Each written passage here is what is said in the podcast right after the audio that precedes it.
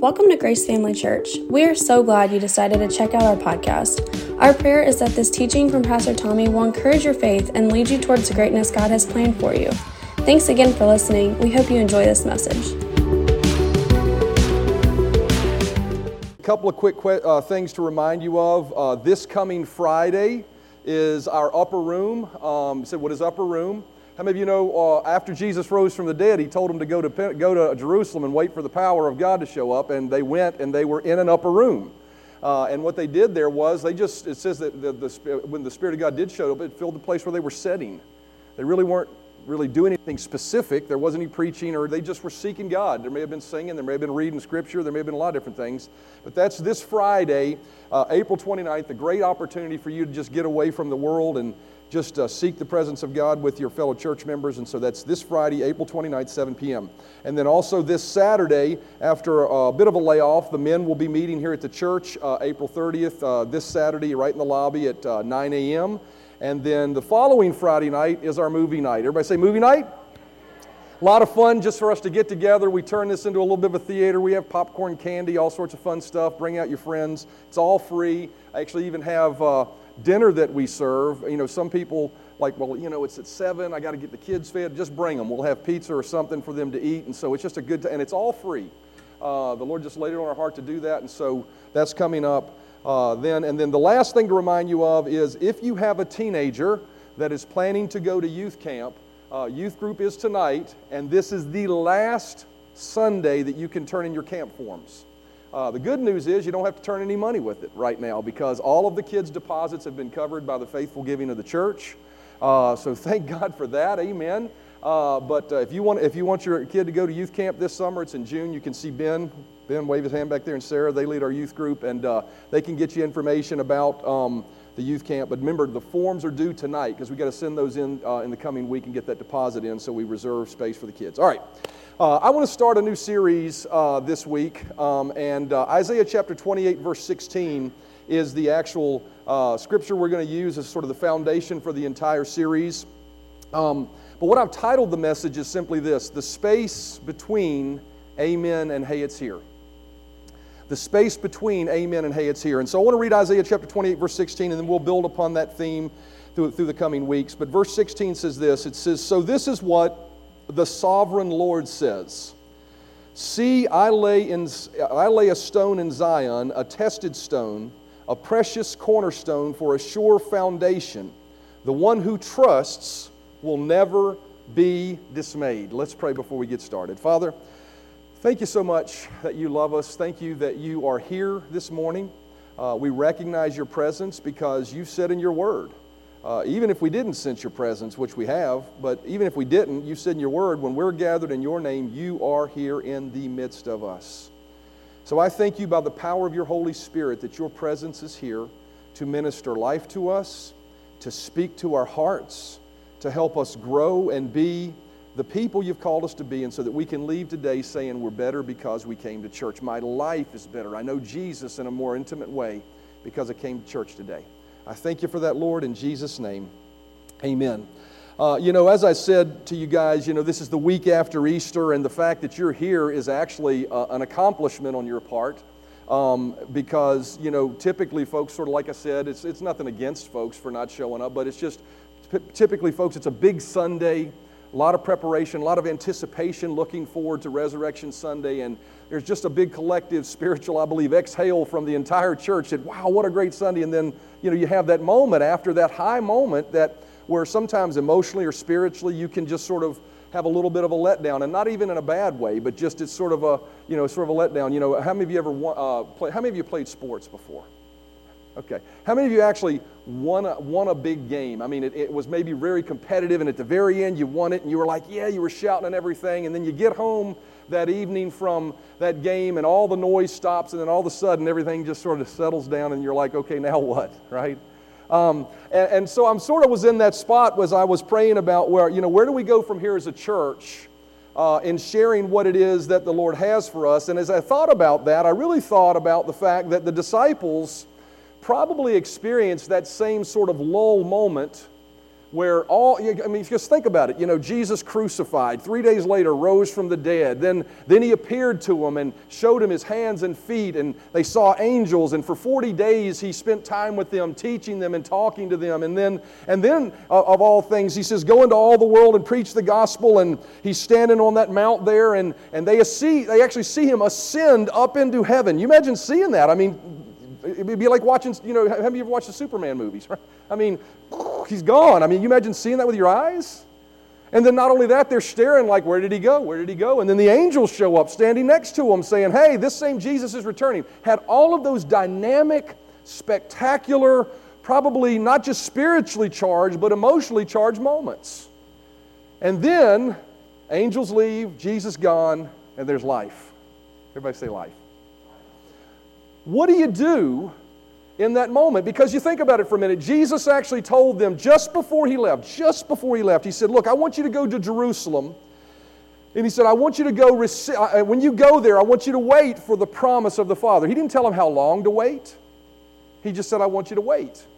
Now, for them, it was 10 days. It was 10 days from the, approximately 10 days from the moment that he left until the day of Pentecost. And, and so they, he, but, but they didn't know that. He just said, I want you to go wait for the promise of the Father, and He's going to pour His power. Everybody say power. Now, we may not understand the full meaning of that, but that word power is the word dunamis. And when they heard that word, they understood that what God, what, what actually, if you look up that word dunamis in the Strong's Concordance, it actually means miracle working ability. So what he was saying is, is the miracle working power of God is going to fall upon your life. How many of you realize a promise like that in an emotionally charged time as Jesus is ascending, right, could cause you to go, man, this is great. I'm going to see power in my future. And, and, then, and then he ascends. The angels tell him, go, you know, he's coming back. And then they disappear. And then they're left standing on the mountain looking at each other. Okay, what do we do now? And in between that moment of the promise and the manifestation of the promise, typically what I've found historically in my experience, there are times where I've seen instantaneous things happen. But a greater a majority of the time in my life, there's a gap between the promise and the manifestation of the promise. How many of you have experienced that in your life? The gap, right? So, what do you do in the gap? What do you do in that moment of time? We see this unfold in Acts chapter 1 and verses 4, 5, 9, and 11. Notice here's the story of Jesus giving them the promise and then, then them having to do something. Acts chapter 1 and verse 4 says, And being assembled together with them, he commanded them not to depart from Jerusalem, but wait for the promise of the Father, which, he said, you have heard from me, for John truly baptized with water, but you shall be baptized with the Holy Spirit not many days from now. Verse 9, if you skip down, it says, Now when he had spoken these things, while they watched, he was taken up, and a cloud received him out of their sight. And while they looked steadfastly toward heaven as he went up, behold, two men stood by them in white apparel, who also said, Men of Galilee, why do you stand gazing into heaven? This same Jesus, who was taken from you into heaven, will so come in like manner as you saw him go into heaven. So here they are. They say, they're staring into heaven, wondering what's next, and the angels say, He's coming back. And they're left with a promise, but not a fulfillment of it yet. Have you ever been there before? How many of you ever looked at God's Word even and seen, you know what, by His stripes we're healed, but you're still struggling with a sickness? Between the receiving of a promise, typically, and the manifestation of a promise, there is a space and time. And so for these disciples, it was 10 days later. And 10 days later, we find 120 of these disciples. Now, I don't know how many were on the Mount. Uh, maybe you know, maybe you've done some study on it, but 120 of them made it from the mountain to Pentecost Sunday. It says in verse, in verse 4 When the day of Pentecost was fully come, they were all with one accord in one place, and suddenly there came a sound from heaven as of a rushing mighty wind, and it filled the whole house where they were standing. Then there appeared to them divided tongues as of fire, uh, and one sat on upon, upon each of them. And they were all filled with the Holy Spirit and began to speak with other tongues as the Spirit gave them utterance. And so they had a dynamic encounter and they received what Jesus said they would have. But I think the point I was really trying to make was is between the, the moment on the Mount and the day of Pentecost, there were some quiet days. There were some days that required something of these individuals for them to be able to enter in to that place. And that's why I've titled this message, The Space Between Amen and Hey, It's Here, because typically in our life, God speaks a truth to us, we pray for a truth, we believe for a truth, and we walk out of that place of prayer. Then we got to face real life as we wait for the reality and the manifestation of it. So, what do you do in that moment? I want to go back to our opening text, and that's where I want to start this series. It says, Therefore, thus saith the Lord, Behold, I am laying in Zion for a foundation. Everybody say a foundation. He says, I'm going to lay a foundation, a stone, a tested stone, a precious cornerstone of sure foundation. This is the amplified version of it. And he who believes, trusts in, relies on, and adheres to that stone will not be ashamed or give way or hasten away in sudden panic. So, what that verse says is this He says, I'm going to lay a foundation, and if you'll hang on to that foundation in your life, then when uh, you, you hit those periods before the manifestation of that promise, you won't let go of it. You'll follow through until you receive. And so what that verse is really saying is this is there's a foundation in our lives that we must embrace between amen and hey it's here if we want to walk in the promises of God. You know, I see this so often apply in, in, in, the area of giving in people's lives. You know, God will deal with certain individuals to begin tithing, and then they'll tithe, and then a week later things don't change. Oh, that thing doesn't work, so I don't do it no more, right? Because they're expecting instant results. I mean, we live in a culture where instant results seem to be what we look, we look for. But what I've found historically with God, there are times where I've seen instant healings and great things happen. But I will tell you, the stability in my life comes from understanding this truth that there is time between amen and hey, it's here. And if I'll do the right things between amen and hey, it's here, I'll walk into the hey, it's here and I'll receive the manifestation of my promise. So, what are those foundational things? Well, Isaiah speaks of a foundation, a stone. You know, uh, and obviously, you know, Jesus said He was the Word, He's the rock of what we build our life. So, Jesus is absolutely the stone we should build our life upon. But what are the foundational things that we should establish? And what I want to do in this series is this I've really had this on my heart since the first of the year.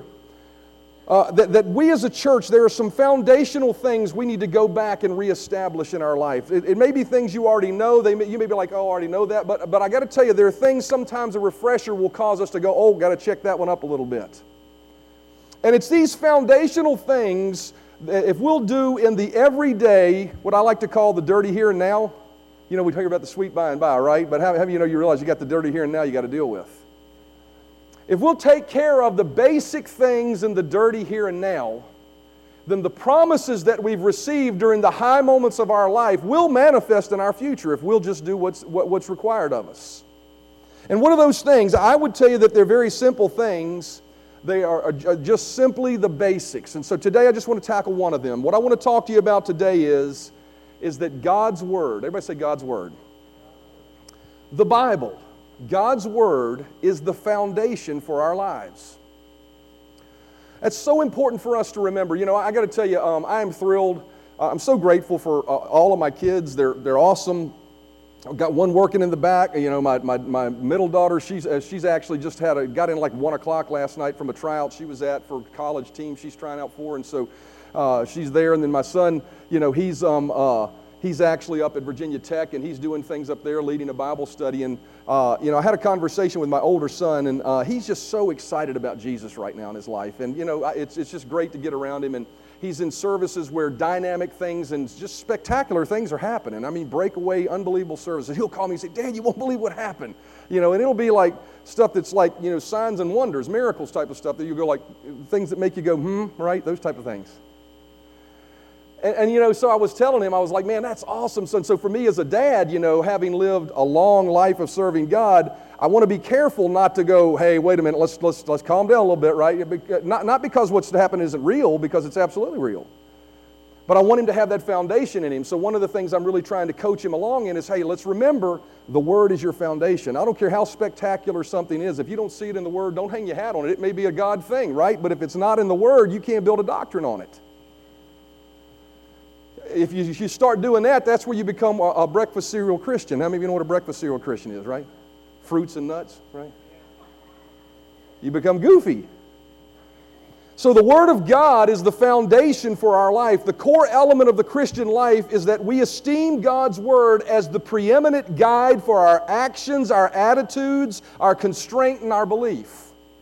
It's the source of truth that all experience, argument, opinion, emotion, and thought and belief must yield to. And it's our guide for every decision and every step we make. The Word of God must be our foundation.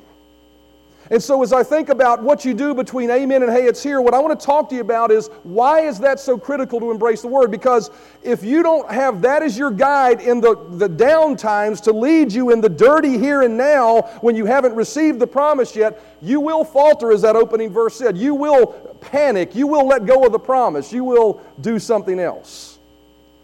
So the word of God is our foundation. 2 Timothy chapter 3 verse 16 and 17 says all scripture is given by the inspiration of God. Now, I want you to stop and think about that for a moment because we blow by that, but that is a powerful statement. You know, we talk about what is Rhema, right? Rhema is actually a Greek word that means the spoken word. Rhema Bible College took that word and used it and coined it for the, the name of the college. But but Rhema means the spoken word. It's the God breathed word. You may or may not have had one of these experiences in your life, but at some point where God comes into your life and He speaks something and it comes alive on the inside of you. And what the, the Bible says is it says all Scripture is given by the inspiration of God. It was breathed to these men who wrote these verses. It wasn't them just writing an opinion, it wasn't them just stating something, it was God breathing through them, developing a book that we could actually use as a guide for our life. It was given by the inspiration of God and is profitable for doctrine, for reproof, for correction, for instruction in righteousness, that the man of God may be perfect, thoroughly furnished unto all good works. So the Word of God is therefore to establish our doctrine, it's there to reprove us. You know, I, I got to tell you, it's really interesting for me because, uh, you know, I, am a Figert. And if you spend any time with me on your own, you'll realize, and my sister can testify to this, I'm a know it all and I'm always right. The older I've gotten, the more I realize I'm not, right? I'm typically, most of the time, wrong, and then I figure it out later, right? But I think it's interesting for us because in our own minds, we believe our opinions are truth. We'll fight for it. We'll argue for it. But I will tell you what this verse of Scripture says is that the Word of God should be the preeminent source for what we believe, and it should correct even our opinions at times, even if it's uncomfortable, even if the culture of the day is saying something else, right? So, as a believer, we've got to establish that this word is the established truth in our life. If we don't, what will happen in our life is we will become a person that believes the flavor of the day, and our lives will just become a, a buffet at the spiritual table of mediocrity and complacency and compromise. Revelation chapter 22 and verse 18 says, For I testify unto every man that heareth the words of this prophecy of this book. If any man shall add unto these things, God shall add unto him the plagues that are written in this book. That's pretty strong. So, what that tells me is this as a minister, I have to be very careful that I don't embellish and add to this more than what God said. Right? I can't add to it. This is the Word, this is what we build our life upon. That's why, you know, many times I, I, you know, there'll be many high spiritual services and things taking place, and when they happen, the first thing I ask myself is, where's that in the Word? Because if it ain't in the Word, great, great thing, inspired me, it's exciting, but it ain't something I'm hanging my hat on. Why? Because I'm not going to add to the Word. The Word is my foundation. It also says, if you go on reading verse 19, it says, If any man shall take away from the words of this book of the prophecy, God shall take away his part out of the book of life and out of the holy city and from the things that are written in this book. And so, secondly, we not only can we not add to the book, but we can't take away from it. What does that mean? That means that we can't pick and choose what we believe if we call ourselves Christians. If the culture of today is saying it's okay to do certain things, how many of you realize if the Word says it's not okay to do certain things, then you cannot embrace that no matter how right it may even sound? Why? Because I'll tell you this God is smarter than we are. And the minute we begin to say, well, this sounds better than what God is saying, you know what we're saying? We know better than God. You're in very difficult territory at that point. So we can't add to it, we can't take away from it. Now, here's the other piece of it. This is what I sort of added this little piece of it. As we were worshiping, I was thinking about this. That also means that we can't ignore what's in there when God says it's in there for us. So if God's word says, by his stripes you're healed, you can't cast that aside as well. I'll believe that one. Now you got to embrace it. That's good news for us. What that tells me is that as a believer, I'm compelled to believe every single stick of everything that's in this word. And if it says he'll move mountains for me, then I need to believe it. Amen? Can't take away, can't add to it. David understood the importance of making the word of, tr- the, the word of God his truth source. Psalm chapter 40 and verse 6 says, Sacrifice and offering thou dost not desire. Mine uh, ears hast thou opened, burnt offerings and sin offerings hast thou not required. Then said I, Lo, I come what? In the volume of the book it is written of me, I delight to do thy will, O my God. Yea, the law is within my heart. Now, David wrote those words as an outflow of his heart. It was a prophetic utterance about what Jesus did as well, right? But what David was saying was, My life is going to be a fulfillment of what the book says. That's my foundation. That's the, I come in the volume of the book, and my delight, even if it's different than what I'm thinking, I'm going to find my delight in doing what the Word of God says. Amen? So, what do you do between amen and say it's here? You do what the Word says. Just do the Word. Just do the Word. Everybody look at your neighbor and say, just do the Word. I can tell you sometimes that doesn't, that's not exciting. You say, what? Preacher, you should. Sometimes it's not. I mean, you realize getting up and going to work and providing for your family just so you're not a, you know, that ain't fun sometimes. But the Bible says the man doesn't provide for his own family is worse than an infidel. So what do I got to do? I got to get up and work, right?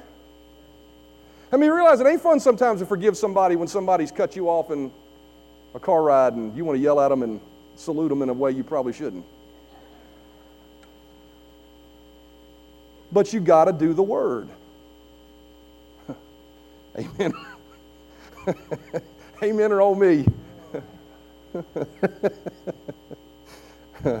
oh, thank you, Lord, for patience. why do you got to do the word?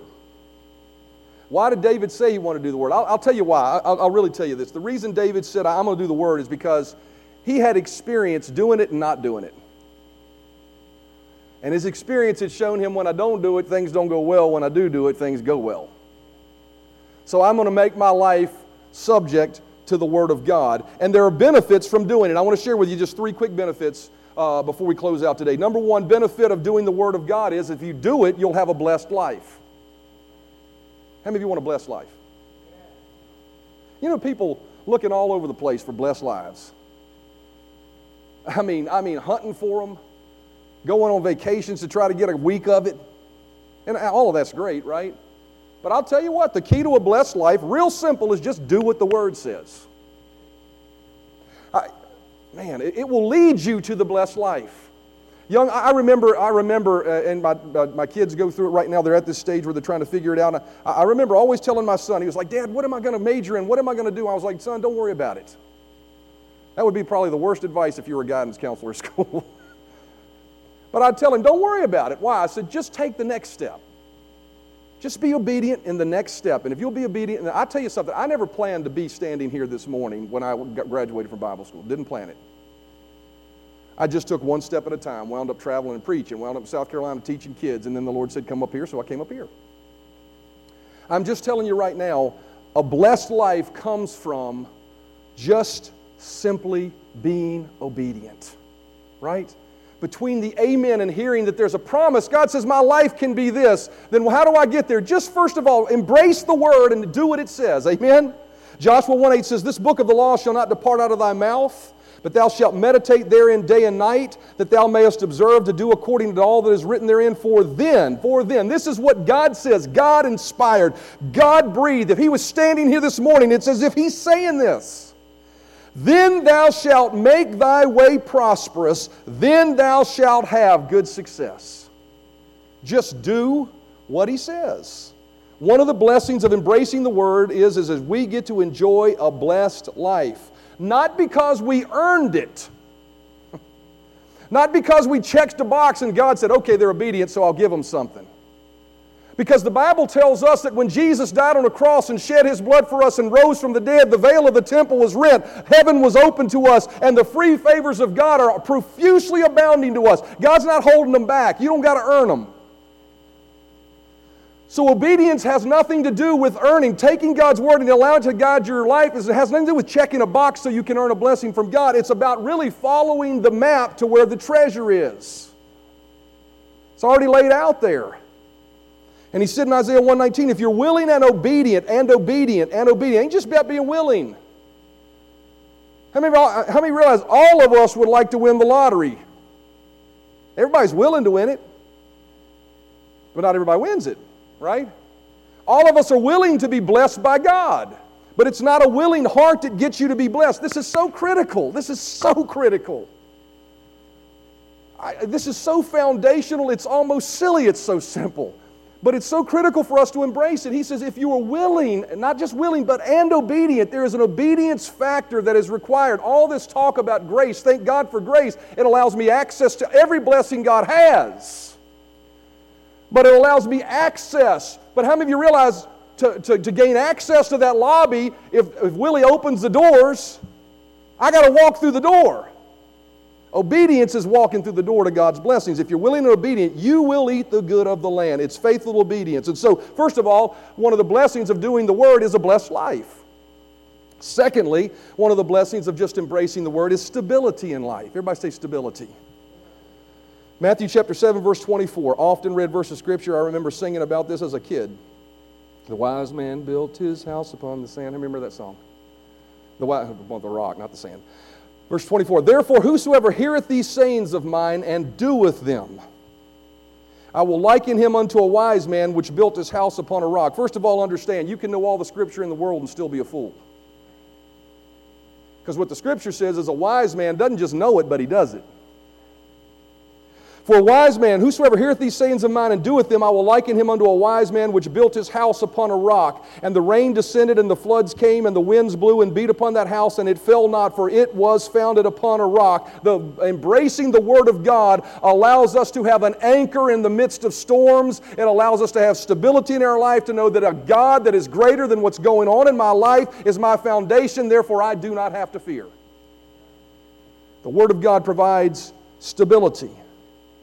Ephesians chapter 4 and verse 11 says, And he gave some apostles, he gave some apostles and some prophets and some evangelists and some pastors and teachers for the perfecting of saints. Verse 14. Notice this next phrase, so that we wouldn't be tossed to and fro and carried about by every wind of doctrine. You know, I'm grateful for the airwaves. I'm grateful for television. I'm grateful for podcasts. I'm grateful for everything. But I got to tell you something. You can go out and listen to the Word of God from so many different angles that you wind up more confused than when you were when you started. And I'll tell you something, that is why it's so critical to have a local church that you submit to. Now, I got I, am not saying our church is the corner on the market, but, I, but God leads people to certain places, and He leads you there because it's that truth that He wants you to get established in your life because that's what you need for your life and the future He has for you. And what it says there is that teaching of the Word of God, not the winds of doctrine, right? Not the you know, I, am all for the Bible talks about prophecy and prophetic words, but I got to tell you, prophetic words that are not founded upon Scripture are not words you can hang your life on. Right? Boy, I could really, really do some stirring here. Seems like every year when there's a presidential election, there's words of prophecy about who's going to win and who we need to hang our hat on, everything else. And when that person doesn't win, then we, we're, we're distraught. When they do win, we're excited. But I got to tell you, when, when, when, when elections come around for me, I could care less who wins. I'm going to vote for who I believe uh, supports my convictions and supports the Word of God. But my hope is not founded on Trump. My hope is not founded on Obama. My hope is not founded on Joe Biden. My hope is founded on a foundation that is far, far greater than any of those individuals. And He said in His Word, if I'll do His Word, I'll prosper, whether the gas price goes up or it goes down. See, God's Word creates stability in our life, and it is the thing we must hang our hat upon. It's a filter for sensationalism that is not in the Word of God, but it is also a challenge for the supernatural that is in the Word of God. How many of you realize that God's Word speaks? I mean, how many of you realize the Bible tells us that Moses literally lifted his rod and the sea parted? You can't believe the Word of God and not believe in miracles. You can't believe in Jesus and not believe in miracles, the Jesus of the Bible. Because the Jesus of the Bible was born in a fashion that nobody else was ever born. How many realize Mary and Joseph didn't hook up and conceive Jesus? It was a supernatural conception. You can't believe the Bible without believing miracles. That's why when the Bible says those that believe will lay hands on the sick and recover, you got to challenge yourself to believe that. Because how many times in my life have you laid, or your life, have you laid hands on somebody that didn't recover?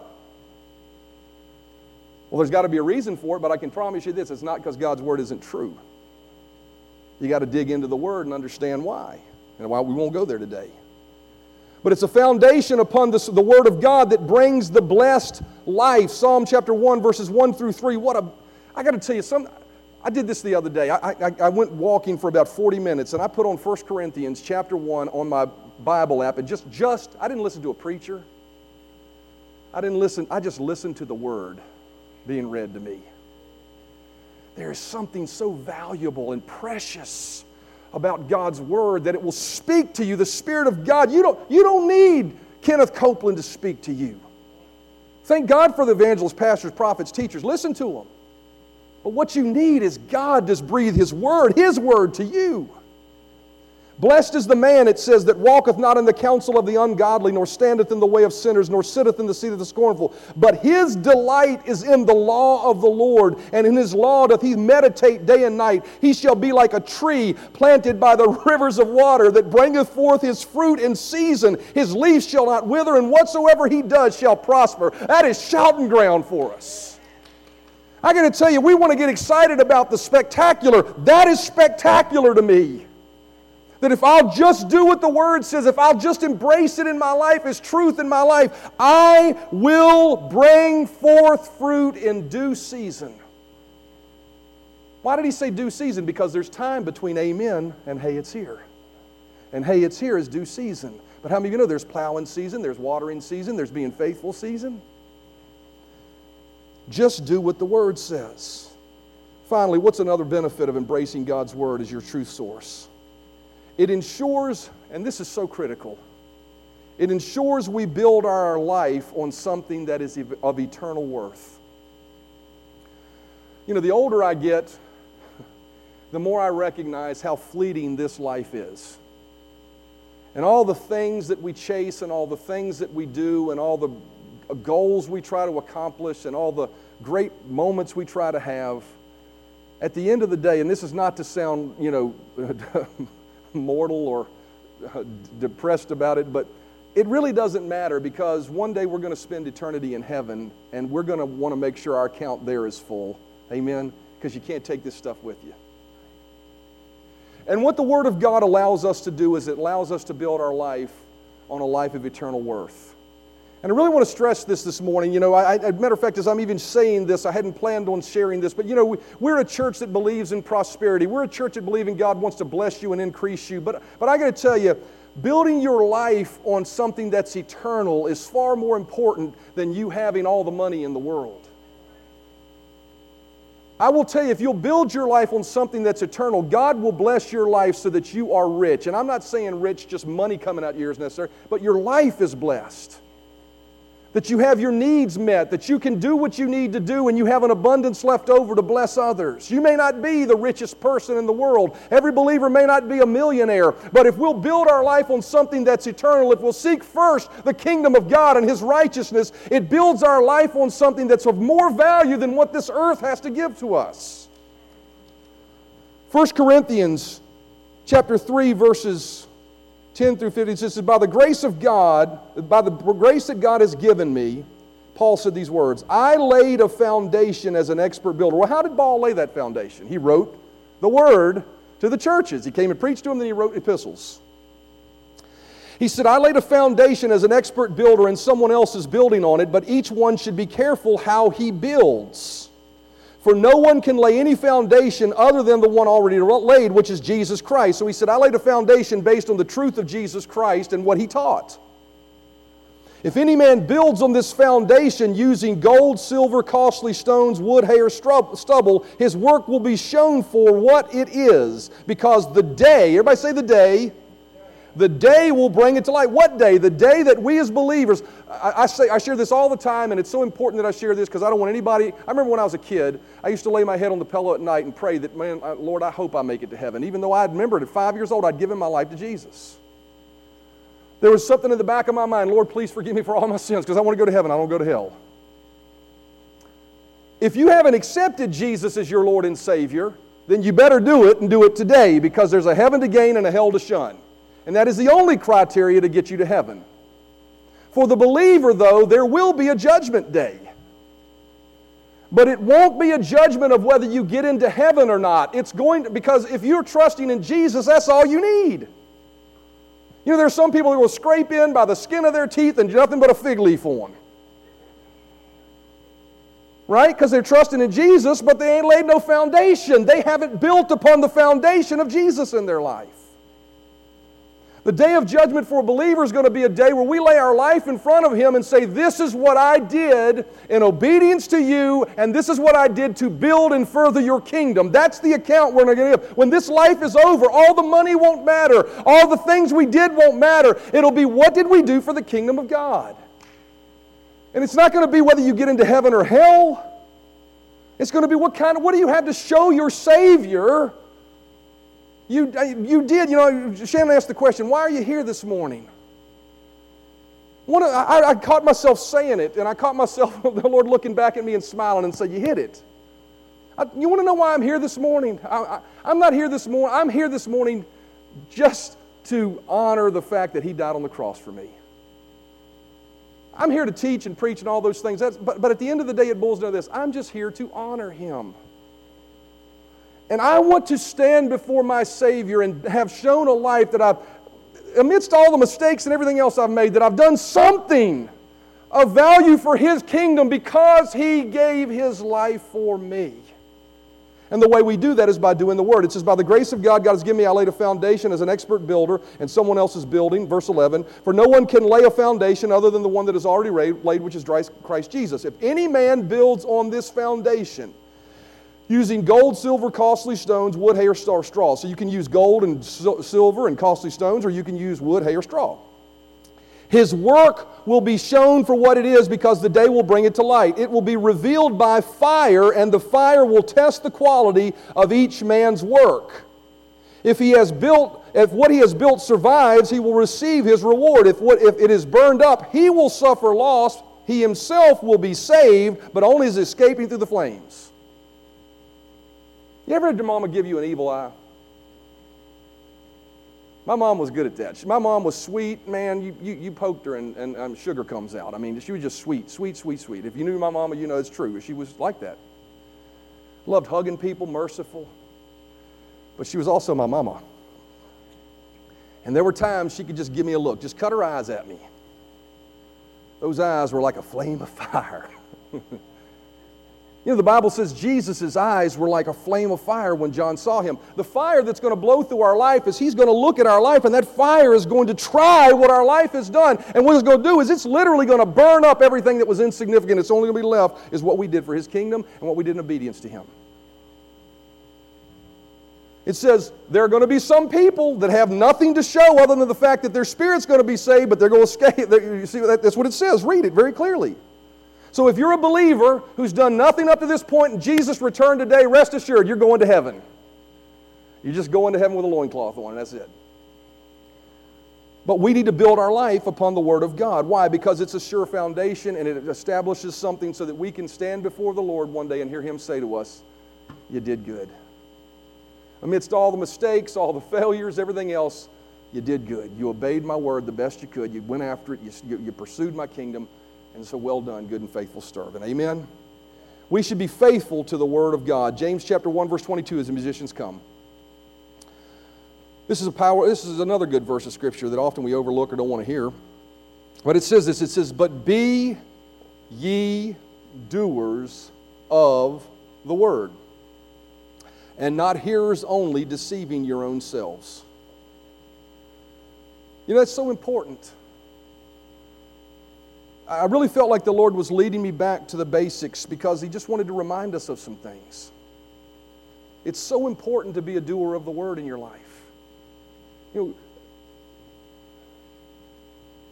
Paul said Paul talked a lot about grace. He talked about how the grace of God saves us in spite of ourselves, but he says, should that grace be used as a cloak for unrighteousness? Should we just say, okay, I'm forgiven, so I don't have to do anything? Well, the reality is that's true. But should it be used, that liberty, just to do nothing? No, he says, be a doer of the word and not a hearer only, deceiving your own selves. Why? For if you be hearers of the word and not a doer, he is like a man beholding his natural face in a glass. First of all, what it says there is if you're not a doer of the word, you can go out and. See, a lot of people think they're doing their own thing, and they're not doing their own thing. They're being somebody they're not. See, the Word of God says when we look at it and we see this is who you should be, this is how you should live your life, here's how, here's how you should construct your life, that's who you are, and we walk away and say, eh, I don't know about that one, I'm going to be me. No, you're not being you. You just looked in the mirror and saw you, decided to be somebody else. So the verse says, For he behold himself and go away and straightway forgetteth what manner of man he was. But whoso looketh into the perfect law of liberty and continueth therein, he being not a forgetful hearer, but a doer of the work, this man, notice this, shall be blessed in his deed. Once again, blessing. What is blessing? It's a life that when you look around your life, you can say, Man, I'm thankful for this. Not, man, I wish I could get rid of this. Right? Want a blessed life? Do the word. And what, what does that mean, do the word? That means do it every day. Do it when you say amen and God says, You're going to have a blessed life. Do it the day after that when all the goosebumps are gone and you don't see it yet. Embrace the truth of God's Word. Make it the foundation upon your life. Why? Because that is the only foundation upon which we can build our life. Foundation number one of what we should do between amen and hey, it's here is just dig into the Word and do the Word. Just do it. Look at your and say, just do it. Nike didn't coin the phrase, James did. Just do it. Isaiah 28 and verse 6 says, So what is the sovereign Lord says? See, I lay in Zion a stone in Zion, a tested stone, a precious cornerstone for a sure foundation. The one who trusts will never be dismayed. We'll never get worried. We'll never, uh, uh, matter of fact, one, one, one translation says, we'll never make haste. You ever been scared to the point where you like, yeah, you just let go of it? It can't be true, right? Let go of a promise. He says, if you do the word, that won't be you. So you want to successfully transition from a promise to the manifestation of the promise, just faithfully embrace the foundation of God's word is my truth, and I'm going to let it guide my life between amen and hey, it's here. And I promise you, as you do that, due season will come. Sometimes due season is years, sometimes it's weeks, but due season will come if you just be faithful to the word. Amen. I just wrote this verse of scripture down. We'll close with this. Why is that so critical? Because the Bible says, "For the word of God," in Hebrews 4:12, is living and powerful. What you're choosing to do is not believe the Scarlet Letter or Moby Dick. It's a God breathed word that's alive, and when you act upon it in your life, it comes alive and it begins to go move and do things. When we do the word, it releases. The Bible says, Bless the Lord, ye his saints, who excel in doing his good pleasure and hearken unto the voice of his word. When we do His Word and we speak His Word and we embrace His Word in the seasons where it seems like nothing's happening, there are ministering spirits that go forth and move behind the scenes, causing that Word to come alive and come to pass in your life. Do the Word. And as we do, we'll be blessed. Amen. Bow your heads with me. Father, thank you so much for your word. We pause for just a moment to let that settle down on the inside of us. It is such a basic, simple truth. But let it be our guide. Let our wills bend to your will. Let our thoughts bend to your thoughts. Let our opinions bend to your opinions. Let us follow your plans so that it leads us to what you define as a blessed life. I thank you for that, Father. Thank you for all the high seasons of our life where you've spoken truth to us. And thank you that as we faithfully discharge the basics, you will lead us to the manifestation and fulfillment of those promises. Thank you for it, Lord, in Jesus' name. Amen and amen. I believe great days are ahead for us in our own lives and for this church. And I, I really sense this in my heart. I almost titled this message, Seven Sundays Between Resurrection and Pentecost. I believe as we, I, I, really believe this. I just sense this by the Spirit of God, and you know, I'm not a prophet, could be wrong. But I sense there's going to be a seven week season here where it seems sort of mundane to you. Where it seems like just living life, what's next? I believe the Spirit of God is saying if you'll be faithful during this season, there will be an outpouring of my Spirit. There will be power like you haven't seen before. There will be manifestation of miracles that your heart has been craving. There will be promises fulfilled that you've been standing upon if you'll be faithful during the quiet season of your life. Those 10 days were quiet. Those 10 days were quiet from, from the Mount to Pentecost. They were just sitting in a room, quietly waiting, seeking God. And the Spirit of God flooded in. I believe there's a moment coming there's a release of the Spirit about to happen upon our midst, upon this congregation, if we'll just be faithful. Amen. Amen. Thanks for listening to our Grace Family Church podcast. We really hope you enjoyed this message. If this ministry has blessed you in any way, we would love for you to get connected. Just go to gfcva.info to learn more about who we are, how to give to this ministry, or how you can get involved. Thanks again for listening, and we hope to see you soon.